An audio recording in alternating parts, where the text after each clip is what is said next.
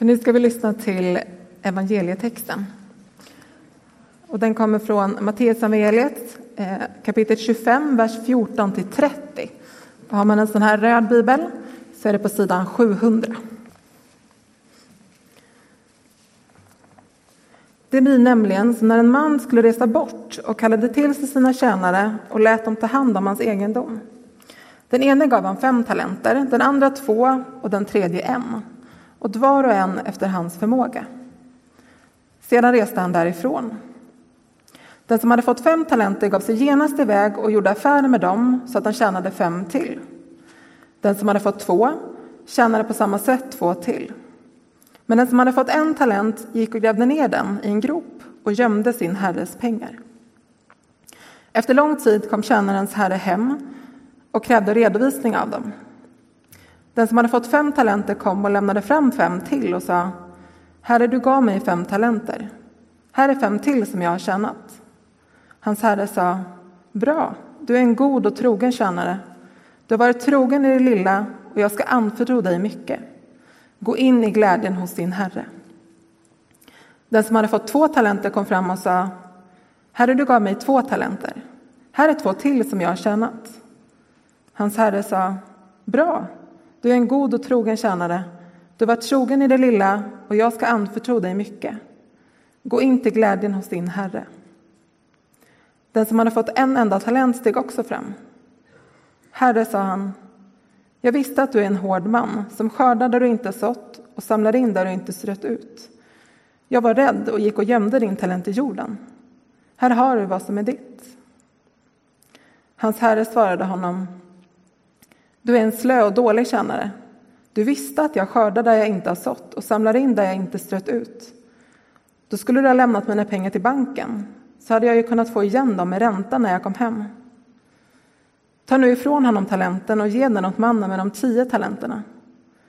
Var och en som har, han ska få, och det är överflöd. Men den som inte har, från honom ska tas också det han har. Kasta ut den oduglige tjänaren i mörkret där ute. Där ska man gråta och skära tänder. Så lyder det heliga evangeliet. Lovad vare du, Kristus.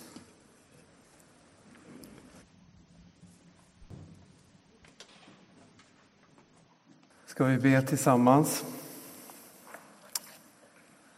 Tack Jesus Kristus för att du är här idag. Tack Jesus för att du var den du var, är den du är och kommer att vara. Tack att du visade för oss eh, här på jorden, oss människor, vem vem Gud är.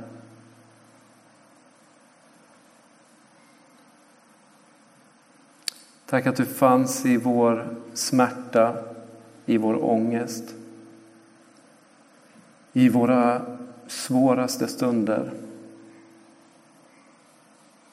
Och att du också fanns med i glädje och skoj och skratt och firade tillsammans med oss. Tack att du delade livet med oss. Tack att du inte valde att gräva ner det du hade fått. Utan att du satte allting i rörelse. Herre, jag ber för den här predikan. Jag ber att det ska vara en röst som vi känner igen. Att det ska vara som den där hedens röst. Att vi kanske har sprungit iväg och kanske hamnat fel. Men hör den där rösten. Någon som kallar, kallar oss tillbaka. Och vi känner igen den där rösten.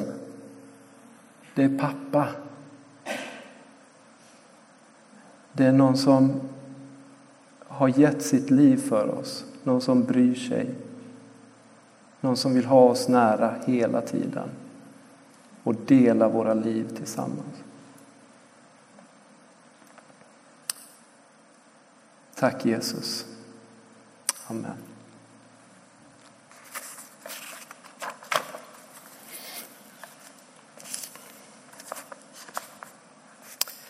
Mitt namn är Samuel, Samuel Gunnarsson. Eh, min eh, älskade hustru, hon eh, jobbar här i församlingen. Jag vet inte om ni har träffat henne eller pratat med henne. Men Emma heter hon. Hon är här oftare än jag kan man säga. Vi bor ute på en ö ute i skärgården och eh, det blir inte alltid så att man tar sig hit. Ändå så känner jag en väldigt tydlig gemenskap med den här församlingen. Eh, även om det inte blir så ofta så, så känner jag mig hemma här. Eh, jag är missionärsbarn, pastorsbarn. Och det är inte klokt alltså hur, hur illa det kan bli. Både, både missionärsbarn och pastorsbarn. Ja, det, det var inga lätta förutsättningar jag hade framför mig. Eh, jag växte upp i Ecuador, föddes där på 3000 meters höjd och eh, sprang runt där på gatorna och torgen eh, och lekte med de ekvatorianska barnen. Och på många sätt så blev Ecuador mitt hem och den omgivningen jag hade omkring mig. Ehm, jag har bott i Ecuador i 12 år sammanlagt av mitt liv. Ehm, och eh, ja, det blir ungefär en tredjedel av det liv jag levt totalt. När jag var ung vuxen, eh, sisådär en eh, 20-21 år, så fick jag en fråga. Eh, Samuel, skulle du vilja vara med och starta upp en lärjungaskola i Ecuador?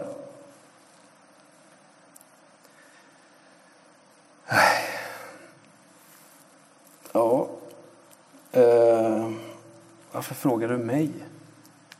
Det finns ju förmodligen tusen andra personer som skulle vara betydligt bättre än vad, vad jag är. Jag är inget affischnamn, jag är ingen sån här person som, som syns i eh, tidningar och som får resa runt och eh, predika på fräcka ungdomskonferenser och sånt där. Jag har inte, vad har jag att komma med? Varför, varför frågar ni mig? Eh, nej, men jag tror att du skulle passa bra. Och eh, jag tog bara beslutet där och då. Yes, jag åker ut på den här eh, lärjungaskolan ute i Ecuador och blir en av huvudledarna för, eh, för de ungdomar som skulle åka ut. De här ungdomarna som eh, föräldrar i Sverige släppte iväg. Eh, Man hade precis gått ut eh, gymnasiet och så åkte de iväg till Ecuador och där stod jag rutinerad, 20 år gammal och skulle ta hand om dem.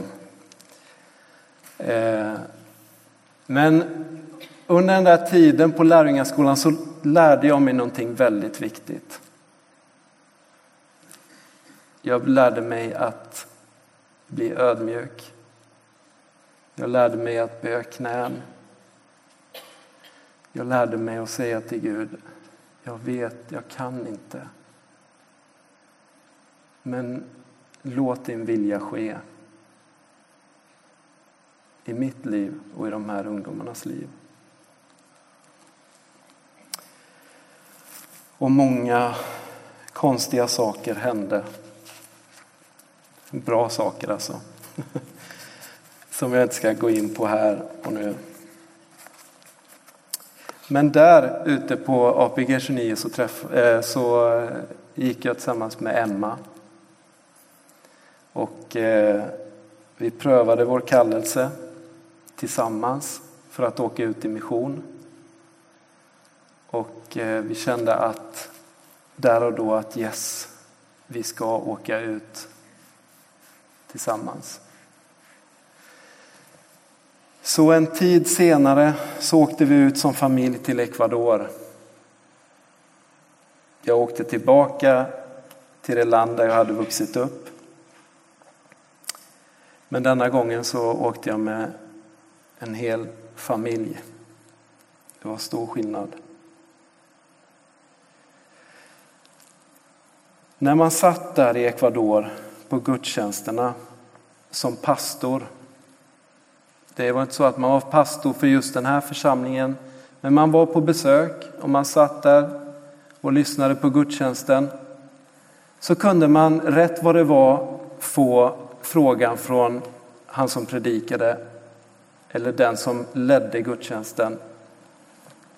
Samuel, kom upp, kom upp här på podiet så ska du få predika. Jaha.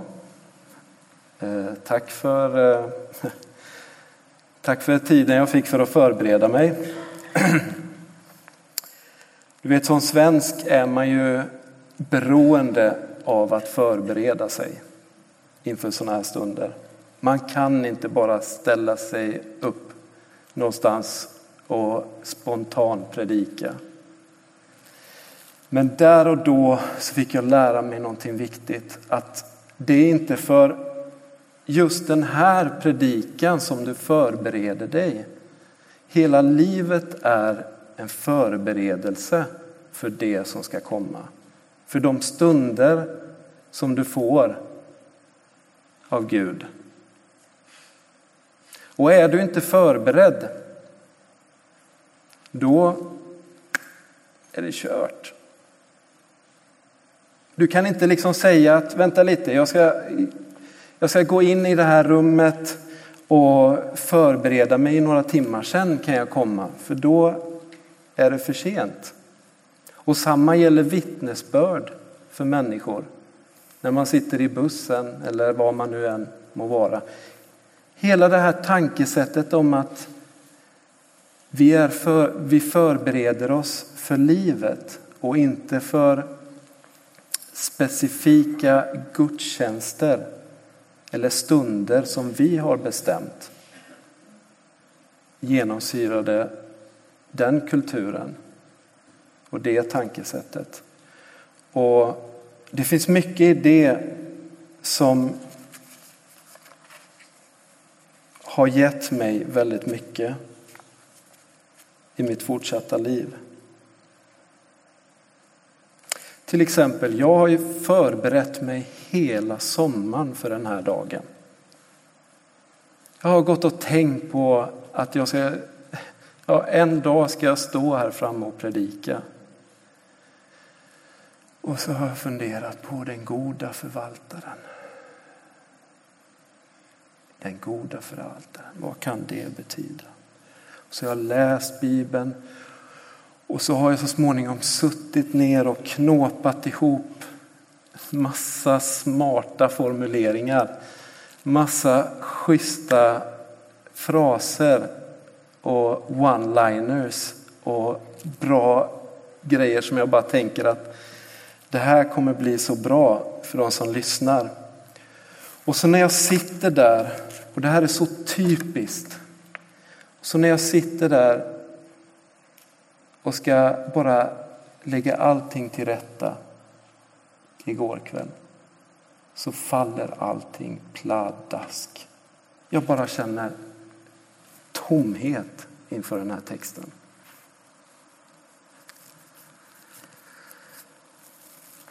Ja, inför den stunden så hjälper inte fyra, fem års teologistudier. Inför den stunden så hjälper inte mycket mer än att vända sig till Gud och ropa hjälp.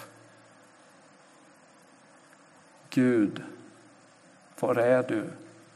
Gud, vad vill du säga.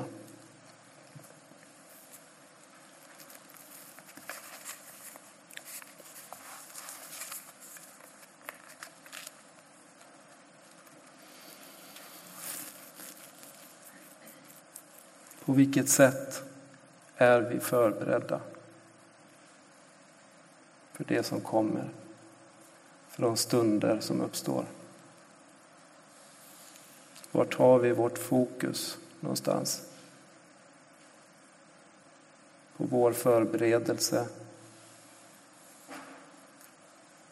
Eller på Jesus Kristus? Vårt beroende av honom?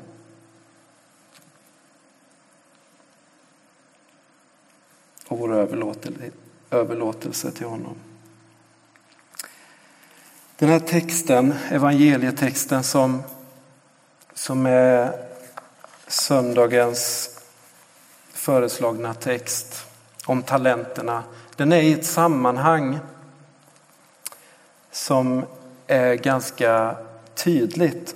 Om man inte bara läser texten om liknelsen om talenterna utan eh, räknar med hela kapitlet och de eh, texter som finns i anslutning till den så ska ni få höra så känner man att här finns ett tema. Templet ska brytas ner. Nöd och förföljelse. Förödelse, förödelsens styggelse. Människosonens återkomst. Sen kommer två liknelser. Den om de tio jungfruarna om talenterna och sen efter det kommer Människosonens dom. Det är ingen lättsam, inget lättsamt sammanhang, ingen, ingen glädjefylld stund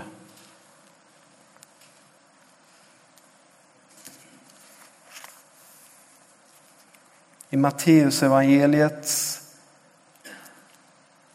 sammanhang, där vi hamnar just nu, så håller Jesus på att förbereda lärjungarna på det absolut värsta. Han säger att det kommer bli förföljelse. Han säger att det kommer komma falska profeter. Han säger att templet ska rivas ner. Och han säger att kärleken ska svalna och tyna bort. Och i detta sammanhang så ger han två liknelser. De tio jungfruarna är den första.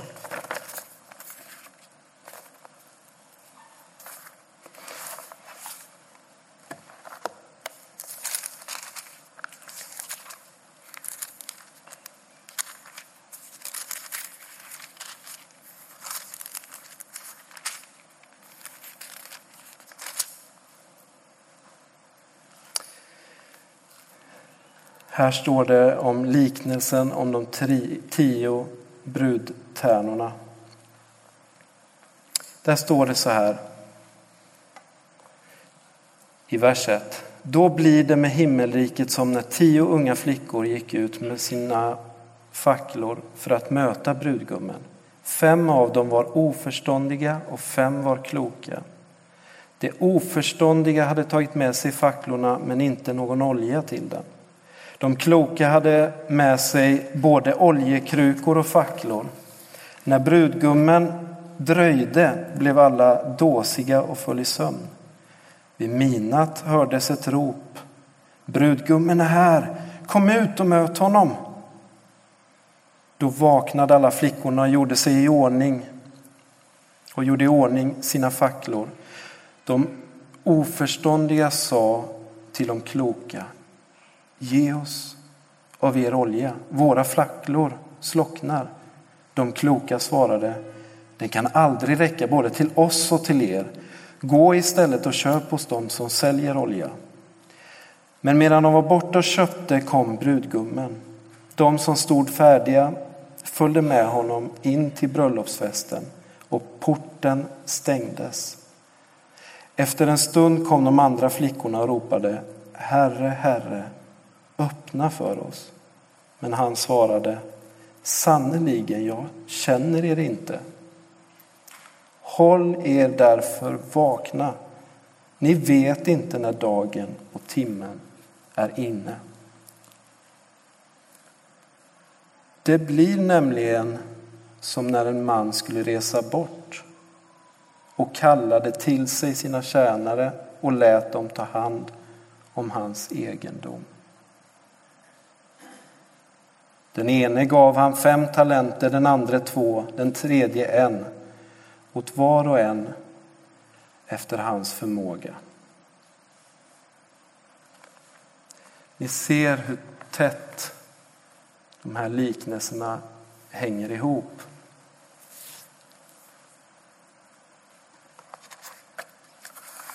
Förberedelsen inför det som komma skall.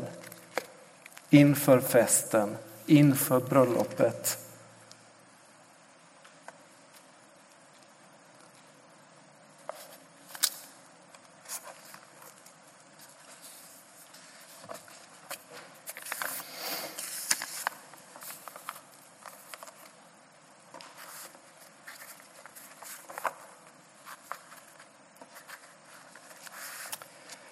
När man läser den här liknelsen om talenterna som jag har gjort under hela sommaren. Åh, vad lyxigt det är att inte vara församlingspastor.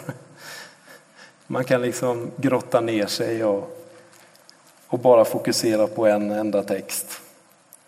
Men när jag har gjort det och när jag framförallt fick den här möjligheten att få predika över just det här temat, den goda förvaltaren, så kände jag bara först så här spontant, nej, inte den goda förvaltaren. Alltså för att det här med att förvalta, det är någonting som inte klingar så positivt. Eh, jag tillhör i alla fall ett sammanhang och en eh, generation kanske som tenderar att se på, eh, på förvaltandet som en, eh, någonting väldigt materiellt.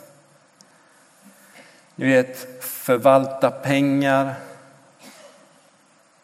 pensionsförvaltningen, Hembygdsföreningen förvaltar en byggnad. Att förvalta någons minne eller förvalta någons arv. Och kopplat till kyrkan så tänker jag bara, hur förvaltar vi det här trädet som har byggts en gång på bästa sätt? Hur förvaltar vi kyrk, kyrkans liturgi, tradition? Det är sådana här saker som kommer när jag tänker på förvaltning. Hur förvaltar vi det som vi en gång har fått?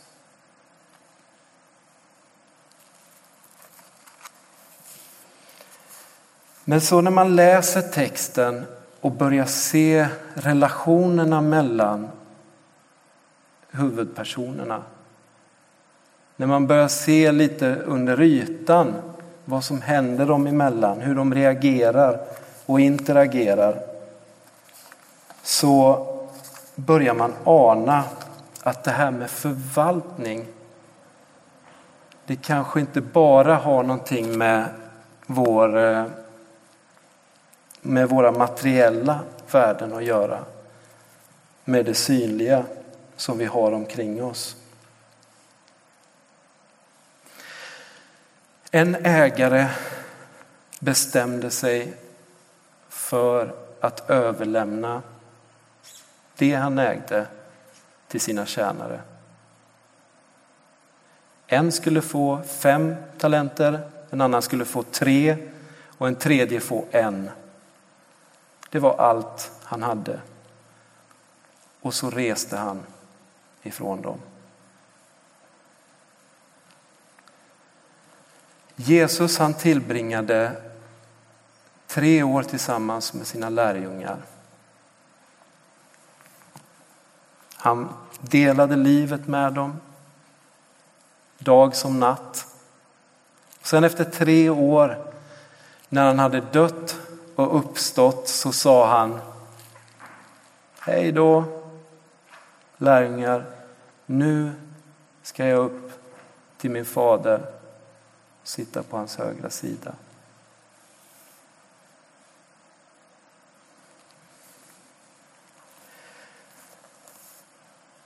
Den här texten den handlar så mycket om detta.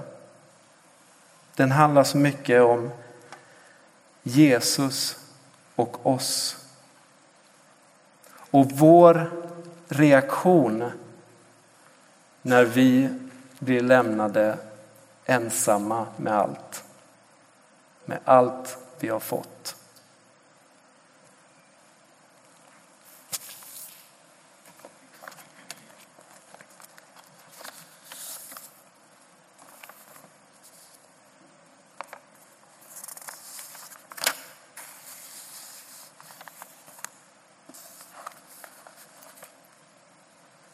Kan ju tänka er hur reaktionen var för de första kristna. De hade levt tillsammans med Jesus Kristus. De hade tillbringat hela livet tillsammans med honom. Och sen så var han plötsligt borta. Och vad ska vi göra nu? Hur ska vi bete oss? Vad ska vi säga? Vad ska vi göra? Det var inte konstigt att de drog sig tillbaka, drog sig inåt och satte sig i avskildhet. Besvikna, förvirrade, desillusionerade.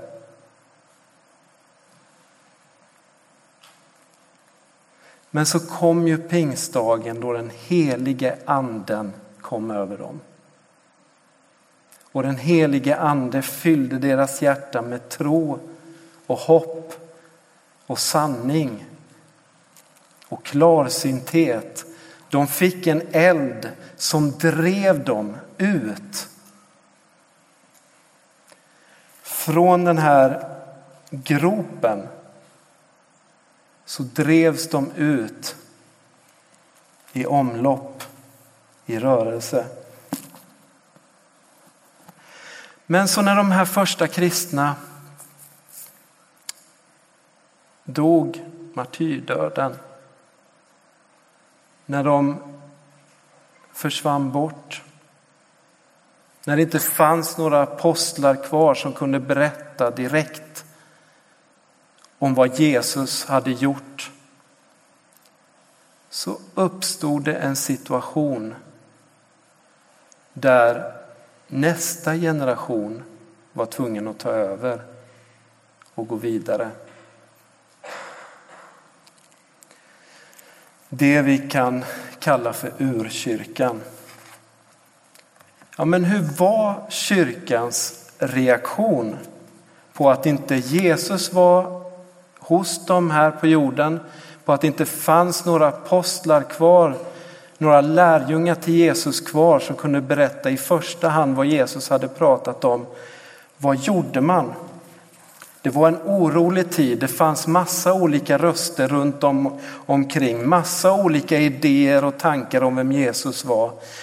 Jesus han var inte Gud, han var bara människa. Jesus han, han var bara ett andligt väsen. Jesus, visste ni att han gick och gifte sig?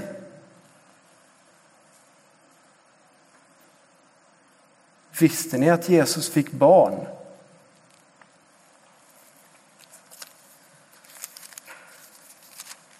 Alla möjliga idéer och tankar florerade runt omkring.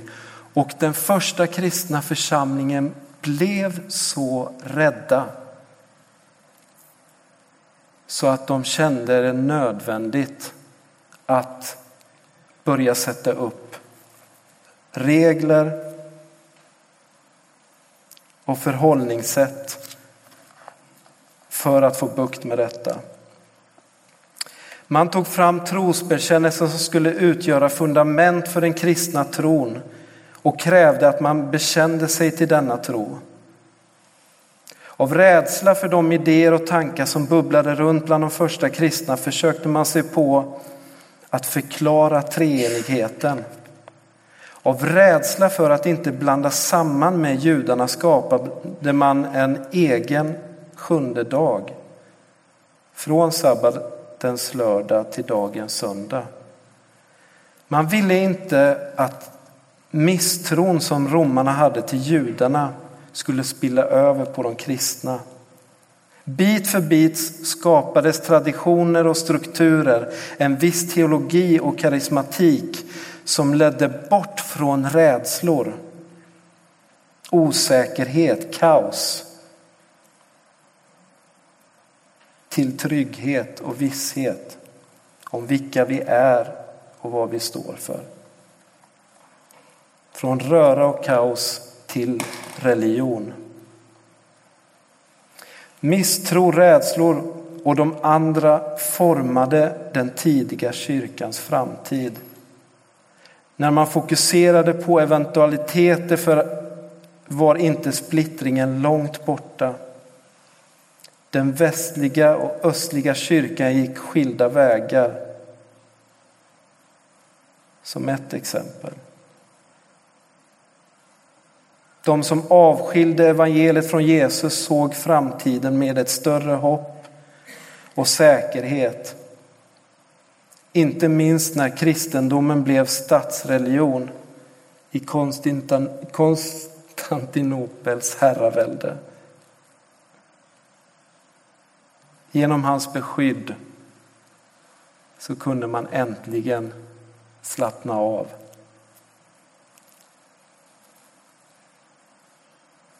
Men låt mig sticka ut hakan lite. Det blev ingen tillväxt av kyrkan under den här perioden, utan en frånväxt.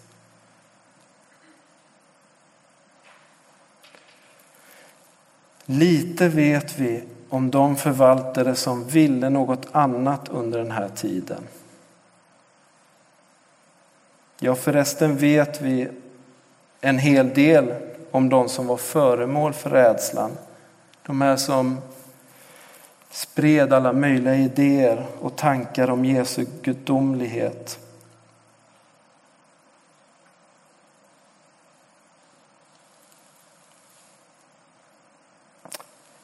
Men jag tänker inte på de här som vare sig bevarare eller förvaltare utan på några som splittrar, drog isär och förgjorde.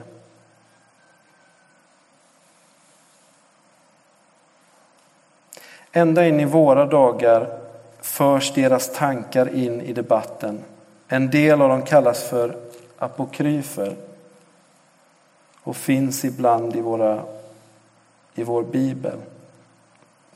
Och nästan varje gång som de här apokryferna kommer fram så är det för att underminera Jesus gudomlighet, singularitet och absoluta nödvändighet.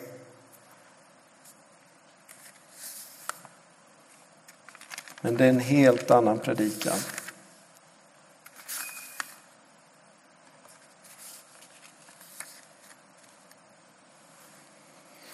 Det finns en tendens i den här texten om talenterna.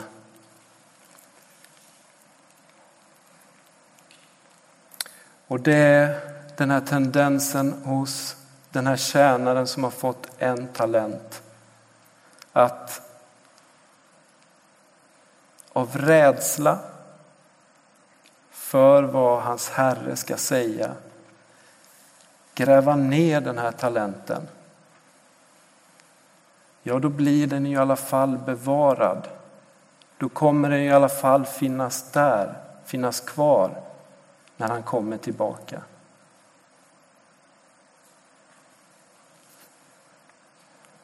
Men reaktionen hos Herren som kommer tillbaka, den är inte att leka med. För han säger att det inte är värt ett endaste dugg. Det där är inte värt någonting. Det hade varit bättre om du satte in talenten på banken, då hade det i alla fall blivit lite ränta. När du ska iväg, du ska bort från mig och skära tänder och hamna i elände. Det är ju ganska hemska ord egentligen, ganska hemsk tanke. Men han kallar honom för feg och rädd.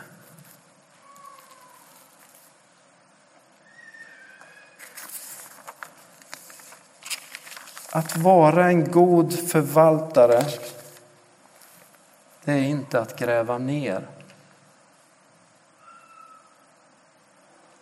Det är inte att bevara. Utan att skapa förutsättningar för tillväxt.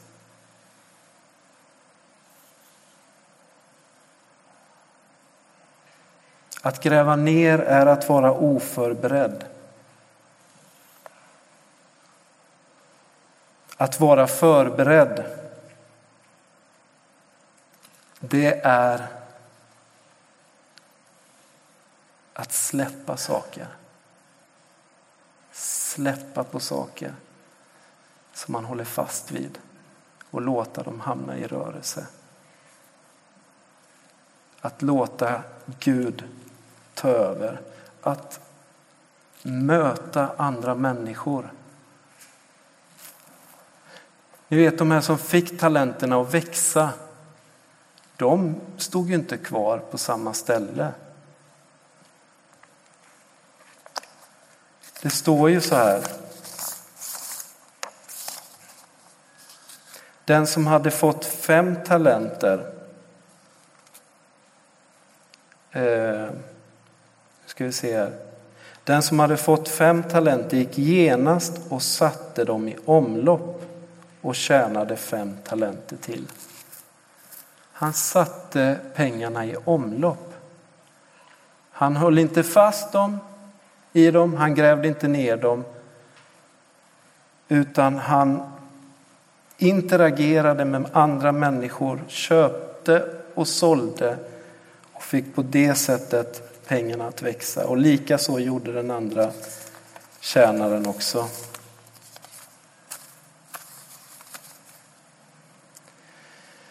Men han som grävde ner, han styrde så mycket av rädslan för hans herres reaktion. Och jag tänker att på det personliga planet så är det det som styr våra liv rädslor. Hur andra definierar oss som församling. Vad vi värdesätter i våra gemenskaper. Vad vi värdesätter hos oss själva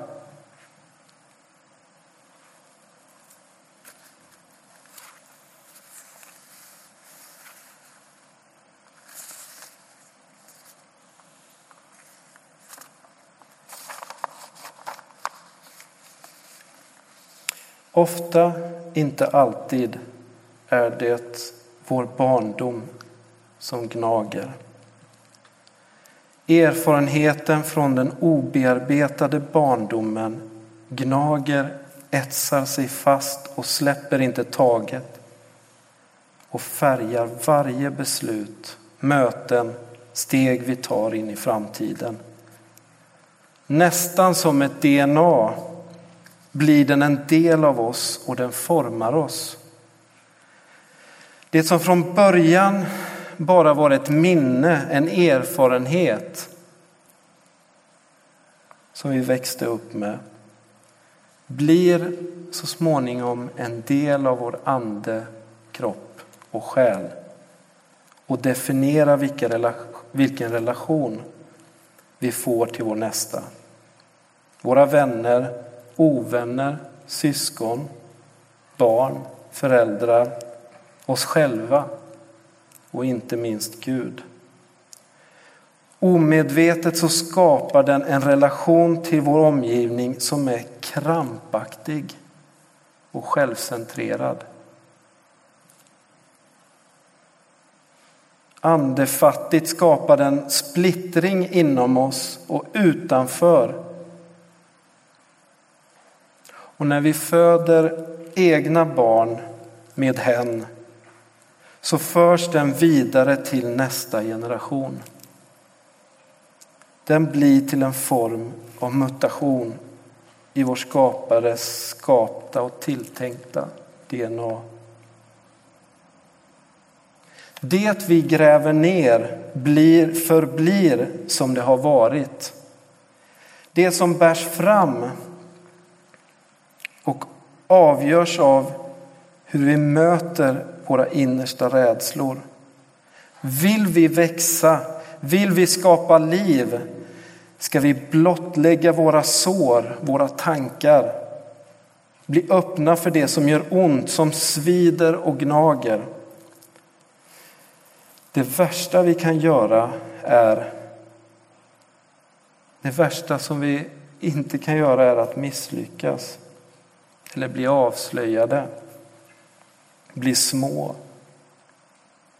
Utan det värsta är rädslan för vår Herre och vad han ska säga om oss. Rädslan för honom. Rädslan för det vi har omkring oss. Rädslan för vårt uppdrag och det vi ska göra.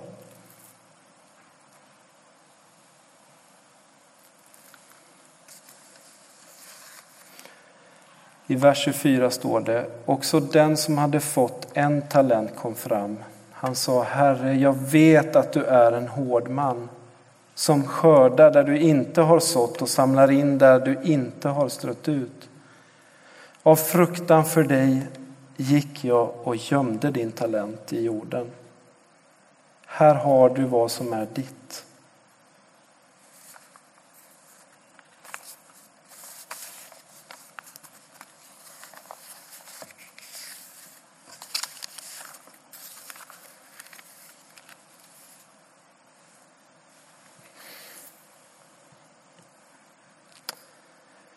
Nu står vi här idag. Vi har kommit hit med våra olika rädslor.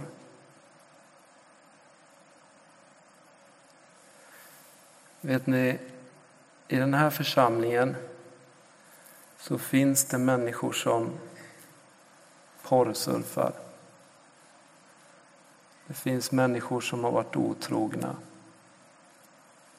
Det finns människor som super och slåss. Det finns människor som gör, ja ni vet, allt det där som den första kristna församlingen gjorde. Läser man om den första kristna församlingen så var den långt ifrån perfekt.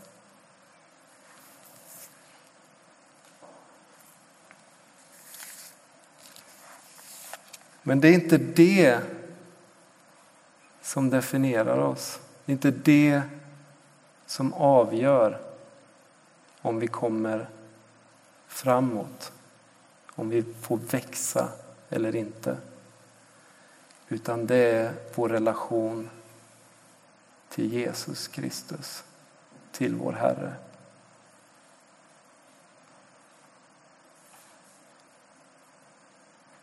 Det vi har, det vi har fått, väljer vi att gräva ner det?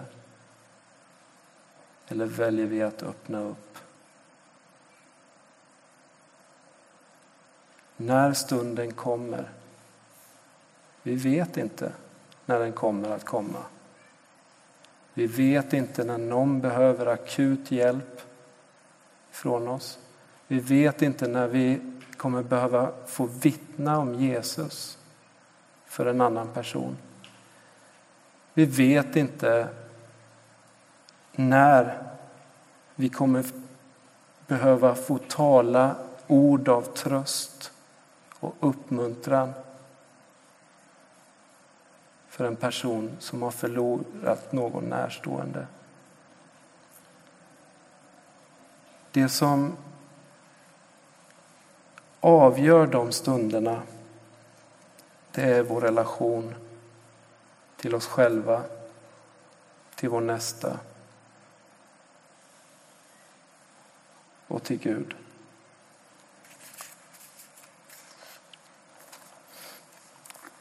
Låt oss be.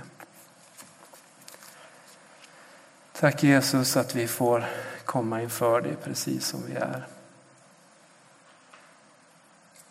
Tack att du har anförtrott dig det allra största till oss, var och en av oss. Du har gett allt det du är och det du har till oss och bett oss att vi ska vara dina redskap, dina händer och fötter här på jorden och förvalta det till vår nästa. Det är svåra stunder som vi har framför oss. Det är stunder av förtvivlan, av förvirring.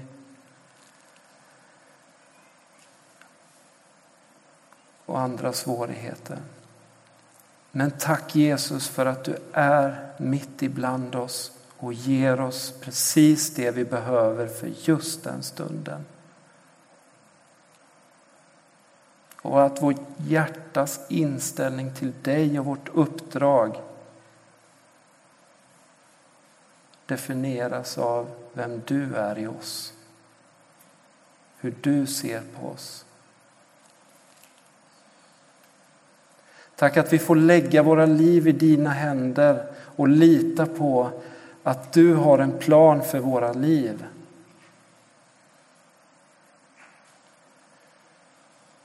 Vi kan planera hela året med, i vår kalender.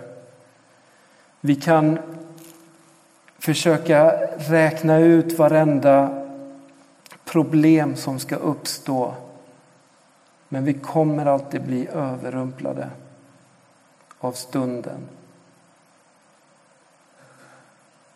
Tack Herre att du förbereder oss så att vi inte går in i den djupaste av ångest. När vi inte kan hantera våra inre smärtor och vår sorg. Utan att du ger oss det vi behöver för att lägga det i dina händer. Tack Herre att när vi möter en människa som ropar efter dig Jesus så kommer du att ha förberett våra hjärtan och deras hjärtan för just den stunden så att vi kan få vittna om dig Jesus. Inte för att vi har läst teologi, inte för att vi har övat på hur vi ska vittna eller berätta om dig. Utan för att vår hjärtas inställning till dig Jesus Kristus i den stunden blir precis det den människan behöver. Tack Jesus att vi inte gräver ner våran längtan.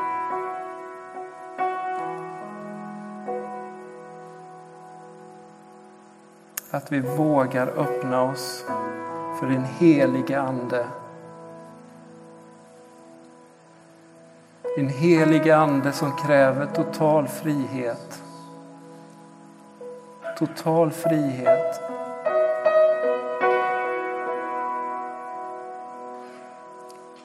Heligande, gör oss fria. Jesus Kristus, bryt våra band som vi har bakåt i tiden. till saker vi har erfarit, varit med om och gjort. Och gör oss fria. Jesus Kristus kom till den här församlingen. Och låt de här talenterna få vara en bild på att vi måste röra om. Vi måste sätta saker i rörelse. Vi kan inte krampaktigt hålla fast vid saker för att bevara det till en tid när du kommer tillbaka. Det finns en värld utanför som behöver dig. Som längtar efter dig, som är otåliga, som bara står där och väntar.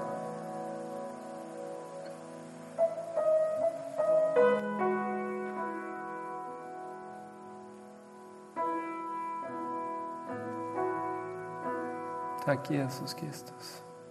Jesu namn. Amen.